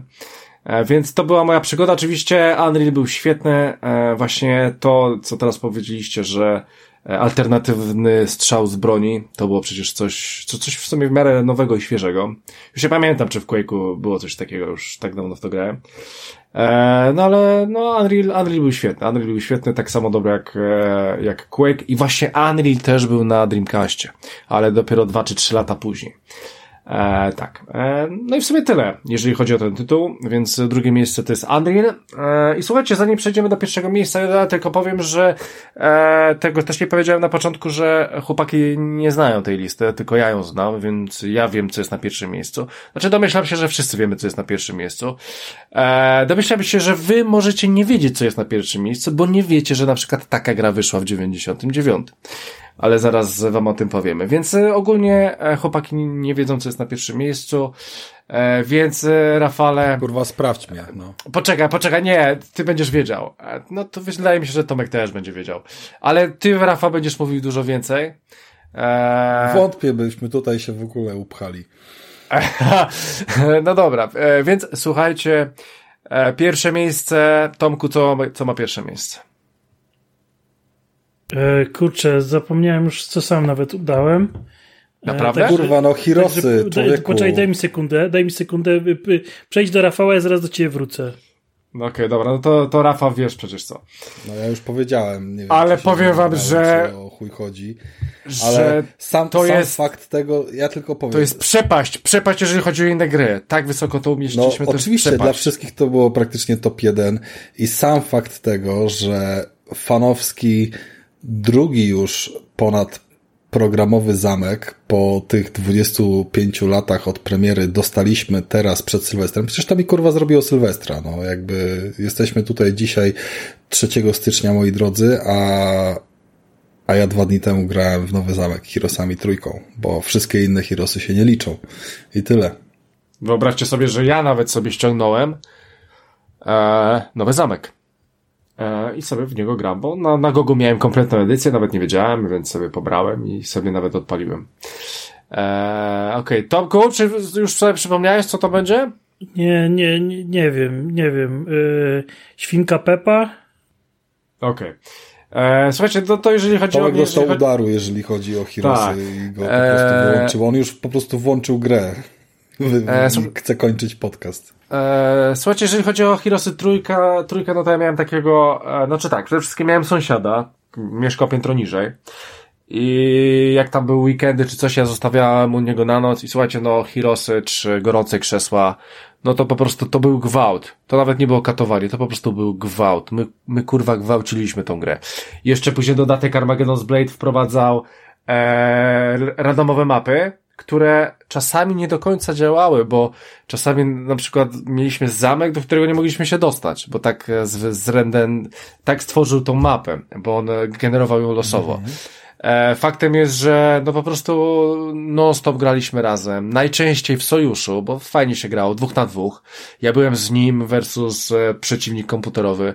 No kurde, no to są hektolitry godzin, ile my w to napierdalaliśmy. Myśmy mieli E, system, bo myśmy grali Free for All i myśmy mieli No. system, e, że e, każdy e, odpala tu, znaczy robimy mapę randomową, odpalamy ten program do budowania i edycji map, sprawdzamy tego save'a, każdy może zobaczyć tylko dookoła swojego zamku. Jeżeli może wyjechać ze swojego zamku i w obrębie tego pierwszego ekranu nie ma portalu i każdy z nas musiał to zrobić i to dopiero wtedy Boże. puszczaliśmy tę mapę. Ja jeszcze chyba pamiętam, że ja chyba podziemi nie robiłem. Wolałem większą mapę, ale bez podziemi, bo chyba z tymi podziemiami jakiś e, problem miałem i one w ogóle tro, dla mnie były trochę bez sensu. Znaczy one miały sens, ale, ale wolałem jednak większą mapę niż ja po dziś dzień nie gram tego- z podziemiami. No, Ja- no. A ja lubiłem czasem pograć z podziemiami, dlatego że jedna z moich ulubionych map, którą grałem chyba najwięcej, yy, no, po prostu najwięcej razy w pojedynkę, tak po prostu, żeby, żeby się pobawić, tak jak Tomek mówił, że w Age of Empires e, odpalał kody, to, to było coś podobnego, może, może nie tyle co granie na kodach, ale była taka jedna mapa, mm, klucz do zwycięstwa i ona dawała tobie pełną kontrolę nad tym, e, w którym momencie odblokujesz e, granice. I kwestia cierpliwości, klikania, czekania, nie wiem jak długo kiedyś przeklikaliście, ale ja chyba potrafiłem tam za 4 lata przeklikać kolejek, yy, po to, żeby armia urosła odpowiednio duża, żeby ją wykupić, żeby mieć oczywiście mm, znalezionego trochę na ślepo y, grala, który mi pozwalał tą całą armię wykupić, a potem jeszcze, nie wiem, dyplomacją rozwinąć się tak dużo, żeby swoją armię jeszcze y, poprawić o dosłownie setki tysięcy jednostek, które się gdzieś tam plątały y, niższego poziomu i, i bawić się w takie starcia wojenne typu y, 5000 gryfów na 300 archaniołów i, i, i po prostu na dużych liczbach zabawa, nie? I tam były podziemia i, i trochę mnie oswoiły przez to, że trzeba się było nimi poruszać. Natomiast fakt, że ta gra wciąż żyje, że ma y, donatowane i opłacane serwery i że ten dodatek tak świetnie działa i że w ogóle te wszystkie aktualizacje y, są, są robione automatycznie. One są gdzieś tam w dużej mierze dzięki mm, Rosjaninom robione, bo, bo to widać przy tych aktualizacjach skąd są, gdzie pliki umieszczane, gdzie serwery, ale to akurat im wybaczam po prostu jak mają się odkupywać, to, to właśnie w ten sposób. Więc e, słuchajcie, możecie zabijać ludzi, ale, ale przynajmniej e, róbcie dobre gry. E, Władza to nie, nie, no, ludzie, się. tak? To, to, to wiemy jak jest. Natomiast E. y, dodatek Hota i, i, i Horn of the Abyss na o, oficjalnej, oryginalnej wersji Goga działa świetnie. E, można sobie, słuchajcie, ustawić e, rozdzielczość. Ja nie gram w maksymalnej rozdzielczości. Ja też, ja też, ja Za też. bardzo Nie. rozkracza, ale gdzieś tam w okolicach e, Nie- nie podoba mi się tysiąc, ono. tysiąc chyba 800 na, na coś tam, plus jakieś rozmycia, które powodują, że, że pikseloza się staje bardzo fajnym efektem i no, no, no słuchajcie, no, mam zdjęcia, że nawet na 120 calach na całej ścianie się grało w Hirosy, grało się na tablecie, grało się W sali kinowej. w sali kinowej, wszędzie po prostu, gdzie się dało, to, to te Hirosy były odpalane. Ja jestem w ciężkim szoku, dlaczego wycofana została ze sprzedaży ta wersja mobilna i, i jakaś tam inna, bo te prawa Ubisoft coś tam straszne, dziwne rzeczy z nimi robił. No to jest tak samo jak została wydana wersja HD Ubisoftu, która obejmuje tak. wyłącznie Heroesy 3, e, bo nie byli w stanie e, dodatków e, kodu przerobić. No właśnie do tego zmierzam, że, że, że można by tu naprawdę zrobić świetne, świetne rzeczy i to by się grało dzisiaj dalej na tabletach i w różnych fajnych miejscach. A jeszcze nie wspomnieliśmy o Wake of God, czyli pierwszej takiej modyfikacji, która kompletnie przebudowywała grę. E, I Wprowadzała kampanię ona w ogóle tak, swoją? tak, tak, miała swoją kampanię, e, bo to jeszcze było w czasach, kiedy ci Rosjanie nie dobrali się do kodu, e, że mogli wprowadzać nowe rzeczy, e, jakby zu- zupełnie nowe. Bo e, przez pewien czas było tak, że jak się chciało mieć na przykład nowy zamek, to można było tylko zastąpić istniejący już w grze zamek. E, I wydaje mi się, że pierwsza iteracja była taka, że ten zamek, e, który jest obecnie dostępny w Horn of the Abyss, ten pierwszy piracki, on wchodził za Swamp, za, za Fortress, tak? To się chyba nazywało. No, E, a dopiero później im się udało zrobić tak, żeby to wszystko hulało e, dodatkowo, a nie zamiast czegoś. I Wake of Gods w ogóle wprowadzał nowe artefakty, wprowadzał nowe e, jakby zasady, można powiedzieć, rozgrywki. E, wprowadzał e, upgrade siedmiopoziomowych jednostek na kolejny poziom, jakby. Był drugi, drugi upgrade dla siedmiopoziomowych jednostek. Było mnóstwo nowych takich jednostek neutralnych. No tam się dużo, dużo różnych dziwnych rzeczy działo. Natomiast ten Horn of the Abyss to jest e, e, teraz już w rozwinięciu wersji 1.7 z drugim zamkiem The Forge. E, to są już, to jest zupełnie co innego. Oni bardziej poszli w ten klimat oryginalnej, oryginalnej części. Mm, a Wake of Gods było takie bardziej wykręcone, bardziej szalone, bym powiedział. Czy wy graliście jeszcze w Chronicles? Znaczy, mogłem kiedyś grać, ale to nie jest nic, co przyciągnęło. Tomek? mnie- Poczekaj, poczekaj, poczekaj chwilę, bo, bo chcę Nie, ja tak samo, ja tak samo. To... E, Słuchajcie, ja, ja w to grałem, e, bardzo mi się to podobało, e, bo nie było żadnych modyfikacji do tych gier. Były Shadow of Blades and Armageddon, and Armageddon's Blade. E, I było Chronicles. I ten Chronicles, pamiętam, na przykład e, wprowadzał łucznika, czyli tego elfa, z pełną strzałą. On inaczej zupełnie wyglądał. I tego nie było. Teraz chyba modyfikacje już to No wprowadziły, ale on ale był, to przecież był... ta, ta postać się pojawiła w Armageddon's Blade po raz pierwszy. Elf z pełną strzałą. Na pewno? Na Tak. trzecim poziomie? I można Nie, było nie że, tylko... a, że mogłeś go ulepszyć, bo on się Nie, nie, pojawił jako go ulepszyć. jednostka neutralna i wprowadził go Gale. E, Był specjalny bohater, który jego e, umiejętnością On było upgrade'owanie No. elfów do, do, do sharpshooterów. To może już, może już można było. Czyli miałeś normalnego i, i ale, ale inaczej też wyglądał? Tak, e, taki był cały, cały zielony, miał Zielony, dłu- to okej, dłuższy- no dobra, okej. I to była specjalna postać, która tylko jedna ta postać mogła to robić. No to okej, no to, no, znaczy to był pakiet misji, one były bardzo trudne. E, to już dla wymagających graczy. E, tam było ich cztery, były te Chronicles chyba cztery części, każda była e, e, z in, o inny zamek chodziło, e, jeżeli chodzi o bazę główną. A jeszcze, jeszcze mam do was pytanie, czy macie, mieliście swój ulubiony zamek? O, tak. Tum, tum. Ja no to dawaj, wrzuciłem Rafał. kiedyś na Instagramie, to było jedno z pierwszych w sumie na naszym, ja muszę wrócić do naszego Instagrama może. W każdym razie, yy, No, zamek z elfami to, to jest mój rampa, rampart, zawsze ulubiony. Niesamowicie koi mnie muzyka i ogólnie dźwięki z Heroesów Aha, są, są tymi wspaniałymi. tam ale- był chyba ten e, Złoty Smok, tam był? Tam był Złoty Smok, ale To przede wiem. wszystkim, przede wszystkim chodziło o ten las, o tą mgłę, o te elfy, o te jednorożce. Yy, I, I pamiętam jak yy, w czasach covidowych pojechaliśmy sobie na urlop yy, taki weekendowy yy, w bardzo, w bardzo no, jakąś wioskę pod Warszawą, ale taką kompletnie dziką, głuchą, że tam naprawdę no, nie było nic, nie było internetu, nie było światła, nie było niczego, gdy, gdy zachodziło. To był ten klimat, że, że, że nocą gdzieś tam, wiecie, sarny i inne zwierzaki chodziły sobie pod, yy, pod chatką drewnianą. I ona była umieszczona właśnie w takim miejscu, że polanka y, o poranku w mgle wyglądała tak jak ta z, z tego zamku, z ramparta, z jakąś tam jeszcze chatką na drewno postawioną, dokładnie tak jakby to był jakiś tam krasnoludzi domek, czy, czy coś w tym stylu.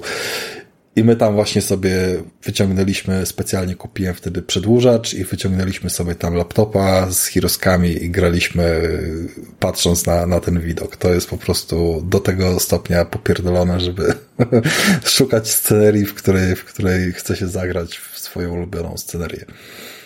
Tomek, ty miałeś coś? Miałeś ulubiony zamek? E, Czy... To jest bardzo skomplikowane pytanie, bo ja przy tej ilości godzin, którą spędziłem w tej grze, to miałem ulubiony zamek w tej rozgrywce. W sensie zaczynałem od elfów, potem grałem towerem, czyli śnieżnym, potem grałem e, necro e, i, wchodziłem w miliony szkieletów i e, kończyłem strongholdem, czyli behemotami e, i zaczynałem wszystko od początku. Czyli nie miałeś swojego ulubionego? Znaczy miałem cztery ulubione zamki. A, cztery. Ja pytam się o jeden ulubiony zamek. Ja miałem Wiesz. cztery. Okej. No to, to Ja mogę powiedzieć, których nie lubię, mi to będzie prostsze. I- Dobra, to poczekajcie, bo ja jeszcze mam ulubiony zamek. Mój ulubiony zamek e, był z hydrami. Miałem wrażenie, że ten zamek jest ogólnie średni, ale po prostu Zawsze Tomek, kurwa, ta menda, ta menda zawsze jest ze Slytherinu, po prostu kurwa, Te się słampy- urodził. te słampy, to, że była ta taka fajna, co zatruwała i ogólnie ten taki śmieszny byczek, e, co z- taki kolorowy. Tak. Nie no, Nie, ja- jest ja nie mega spoko, ale zamku. Hydra jest absolutnie najgorszą jednostką siódmego poziomu Jest. ever. Ej, Jest, dobra, jest, jest. Misie, Ja wiem, że ale, jest chujowa, ale to ale w ogóle nie się chodzi to o to, czy coś jest dobrą jednostką, czy nie, tylko jakie to emocje was wzbudza, no, jakby gorszymi jednostkami też idzie się napierdalać, nie? Po prostu klimatycznie mi to bardzo, bardzo odpowiada. Ale, ale to ciekawe, co mówisz, bo, mi bo są jakieś tam... nie podobał się i nie podobało mi się to, że właśnie ta muzyka zawsze przygrywała w tle taka mniej przyjemna, niepokojąca oraz, y, że to się odbi- odbijało, bo zawsze jak miałeś zamek, to dookoła twojego zamku też się tworzyła przestrzeń właśnie w takim klimacie. Jak y, byłeś y, zamkiem, no to piękna zielona trawka. Jak y, fortecą, to zwykle dookoła śnieg. A, a, a gdy były bagna, to były bagna, nie? I od razu na dzień dobry wszystko, zle, wszystko złe. No tak. Dobra, słuchajcie, to w takim razie pierwsze miejsce. Naszą grą roku 99 zostało Heroes of Might and Magic 3.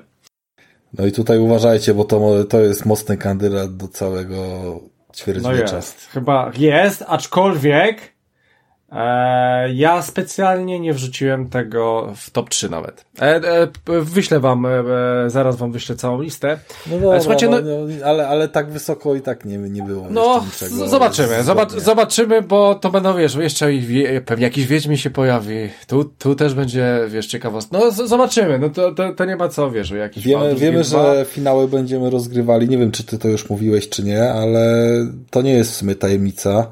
I jeżeli chodzi o finały, to później nie będzie to wybieranie punktowe, tylko będzie pojedynek, nie? Więc, Pojedynek. I to będzie super, super zobaczymy, jak nam wygrają. No właśnie.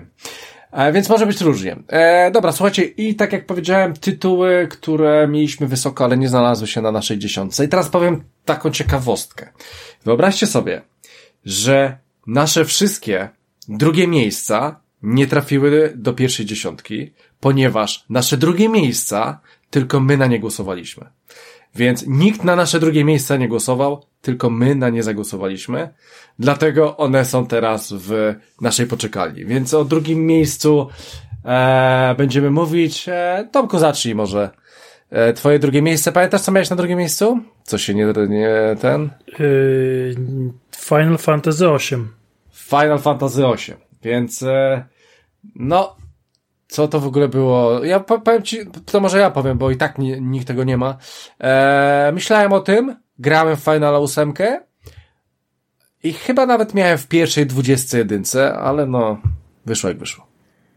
No widzisz, a dla mnie yy, ja, ja zacząłem swoją przygodę od siódemki, e, więc miałem sześć części do nadrobienia, ale przez to, że ja dosyć późno do tej siódemki dotarłem, to mnie ta ósemka jakby zaskoczyła przez to, że no dobra, no lubię tą siódemkę, zobaczę co wyszło dalej, zanim się cofnę. I, i ta ósemka zdecydowanie wzięła mi szturmem, Em, bo w ogóle ja, ja nie jestem zbyt JRPG-owy, a tutaj, a tutaj jednak e, ta gra była dla mnie dosyć ważna. Tyle tylko, że gdybyście zapytali mnie o zdanie w 99, to ja o tej grze w ogóle jeszcze wtedy nie słyszałem. Więc to jest też taki tytuł, który może i dobrze, że nie trafił do, e, do naszej top 10, e, bo no w tamtych czasach był kompletnie, kompletnie na mnie nie istniał. Natomiast e, dopiero później jakby się nim zainteresowałem i, i, i go tutaj umieściłem też trochę. E, ja jeszcze tak się nie do końca umiem odnaleźć w tym, na ile to powinienem głosować z tym, jak grałem, czyli 98 e, to był taki rok, w którym wkurzyłem Rafała, e, a na ile e, powinny być to tytuły, które ja doceniam z perspektywy czasu. Nie, ja od samego początku idę z perspektywy czasu, bo, bo, bo do wielu tytułów wróciłem naprawdę po latach. Jeżeli po latach one zrobiły na mnie wrażenie, no to jakie by zrobiły, kurwa, w roku premiery, nie? To jest fakt. To akurat się zgadzam z Rafałem. E, czy coś jeszcze, e, Tomko, Tomku, o finalu? E, Mam nadzieję, że wydadzą remake tak dobry jak siódemki i więcej ludzi się o nim dowie. No, No pewnie dopiero po trzeciej części remake'u siódemki się dowiemy. Czyli w 2031. Na przykład. Na przykład. No dobra, e, Rafale. Ale może już na Xboxie. O, w sumie, no zobaczymy jak będzie. E, dobra, słuchajcie, Rafała, drugie miejsce, czyli Rafała, e, ławka rezerwowych, to jest Gran Turismo 2. No to co tam było, te Gran Turismo 2? Czy ta jedynka była i tak lepsza niż ta dwójka, Rafale? Jak to tam u Ciebie wyglądało? No jedynka wjechała, wiecie, na, na grubo w coś, co w ogóle nie istniało, nie? Jeżeli chodzi o, o, o ten poziom realizmu i, i dopracowania wszystkiego. Natomiast Gran Turismo 2 było również grą, która wciąż wyszła na PSX-a i i ona wyciągnęła z niego wszystko, co było możliwe. Zarówno poprawiona została grafika, ilość aut.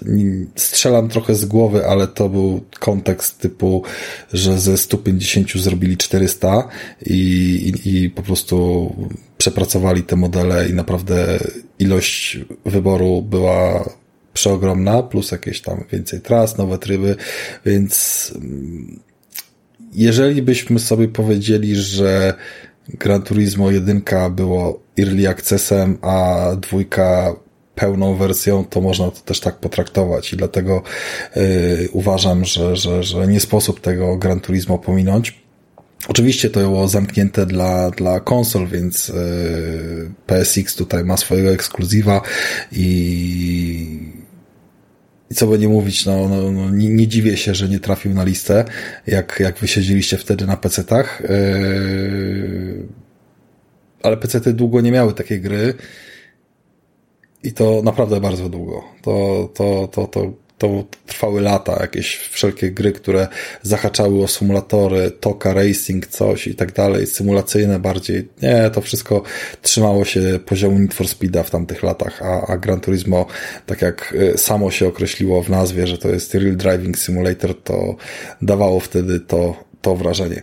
Pamiętam, że jedno z takich wspomnień z Gran Turismo, nieważne czy dotyczyło pierwszej, drugiej, czy tam potem czwartej, piątej części, bo, bo, bo mnóstwo ich przechodziłem.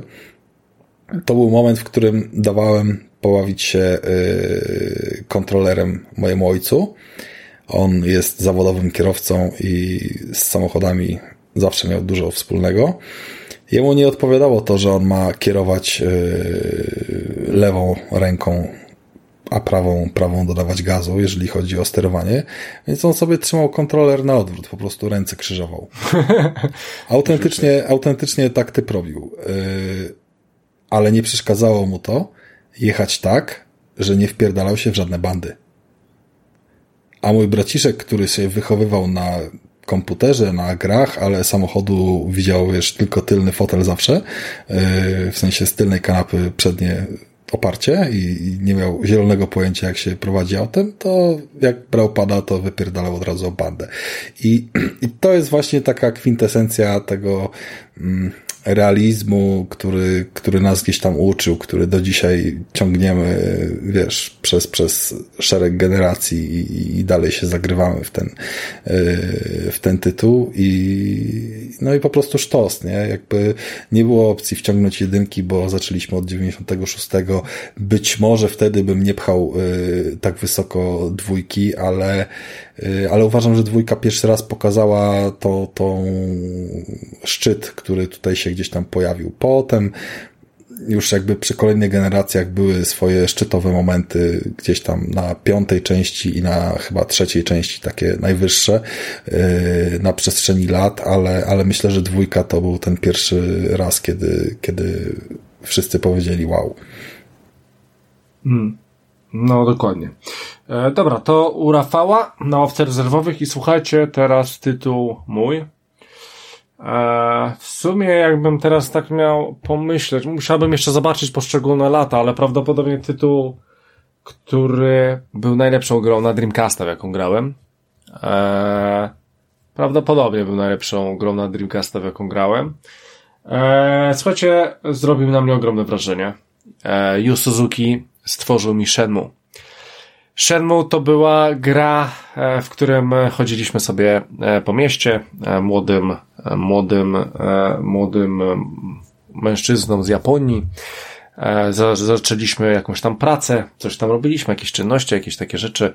Wchodziliśmy do sklepu, można było wchodzić do sklepów, rozmawiać z ludźmi, głaskać kota. To, była ten, to był ten tytuł, w którym można było głaskać kota. Poza tym uczyliśmy się jakichś tam sztuk walki. Słuchajcie, no przepiękna historia Przepiękna gra. Chodziło się po tych miasteczkach w Japonii, jakimś, jakimś miasteczku w Japonii, które po prostu, jak ja potem chodziłem, to ja po prostu chciałem jechać do Japonii. Eee, słuchajcie, to była pierwsza gra, która wprowadziła pewnego rodzaju rzecz. Otóż to była pierwsza gra, która wprowadziła Quick Time Event, czyli naciskanie guzików w tak jak się świecą na, tak jak nam się pojawiają, tak? Czyli na ogół była jakaś gonitwa i naciśnij strzałkę do dołu, żeby się schylić, naciskało się. Skocz, tam naciskało się X czy coś i tak dalej, i tak dalej. Więc y, to była pierwsza gra, która wprowadziła ten mechanizm do, do gier, który w sumie w dniu dzisiejszym e, funkcjonuje. E, To na pewno wiem i to na pewno pamiętam.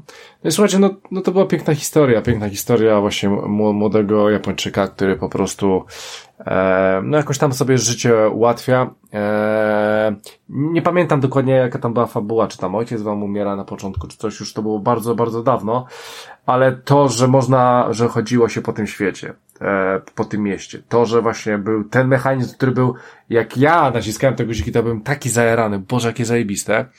E, Jak wam się nie udawało, to tam się też coś działo. E, No i przede wszystkim e, mechanizm walki był całkiem niezły.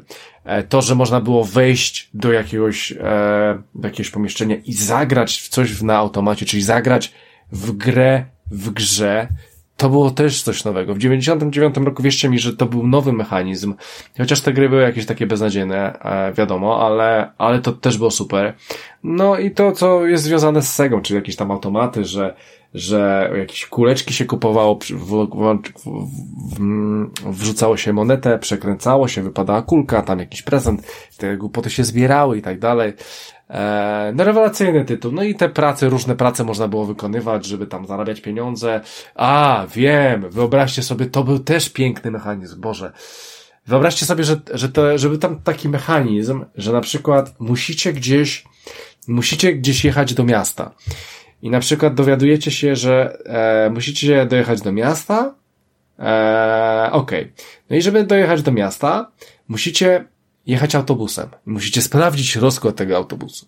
No i sprawdzacie, o której macie być, bo tam b- była właśnie dzień i noc i był czas. I to też była pierwsza opcja, że po prostu musicie przyjść na ten autobus, czekać na ten autobus, wsiąść do niego i jechać. No kurwa. No słuchajcie, na, naprawdę, na 99, gdzie nie było YouTube'a, nie było nic po prostu. Nie było żadnych poradników, nic. Trzeba było to wszystko rozkminiać. Kurwa, jakie to było mistrzowskie. Więc e, Shenmue zrobiło mi banie, wyryło mi po prostu, no, no wyryło mi ostro. Piękna gra, rewelacyjna gra. Pamiętam, że ona była na paru płytach. E, I te płyty, no wiadomo, później się zmieniało, jakby szło się dalej, no to płyta dwa, płyta chyba trzy, już nie pamiętam ile tam tych płyt było, wiem, że było parę tych płyt. E, No rewelacja, no rewelacyjny tytuł, ja nigdy Shenmue nie zapomnę. E, trójka wyszła, później wyszła dwójka na Dreamcastie, trójka wyszła parę lat temu, wiemy, na Kickstarterze Yu Suzuki dalej e, cisnął to. To było to samo, ale, ale po prostu te archaizmy zostały.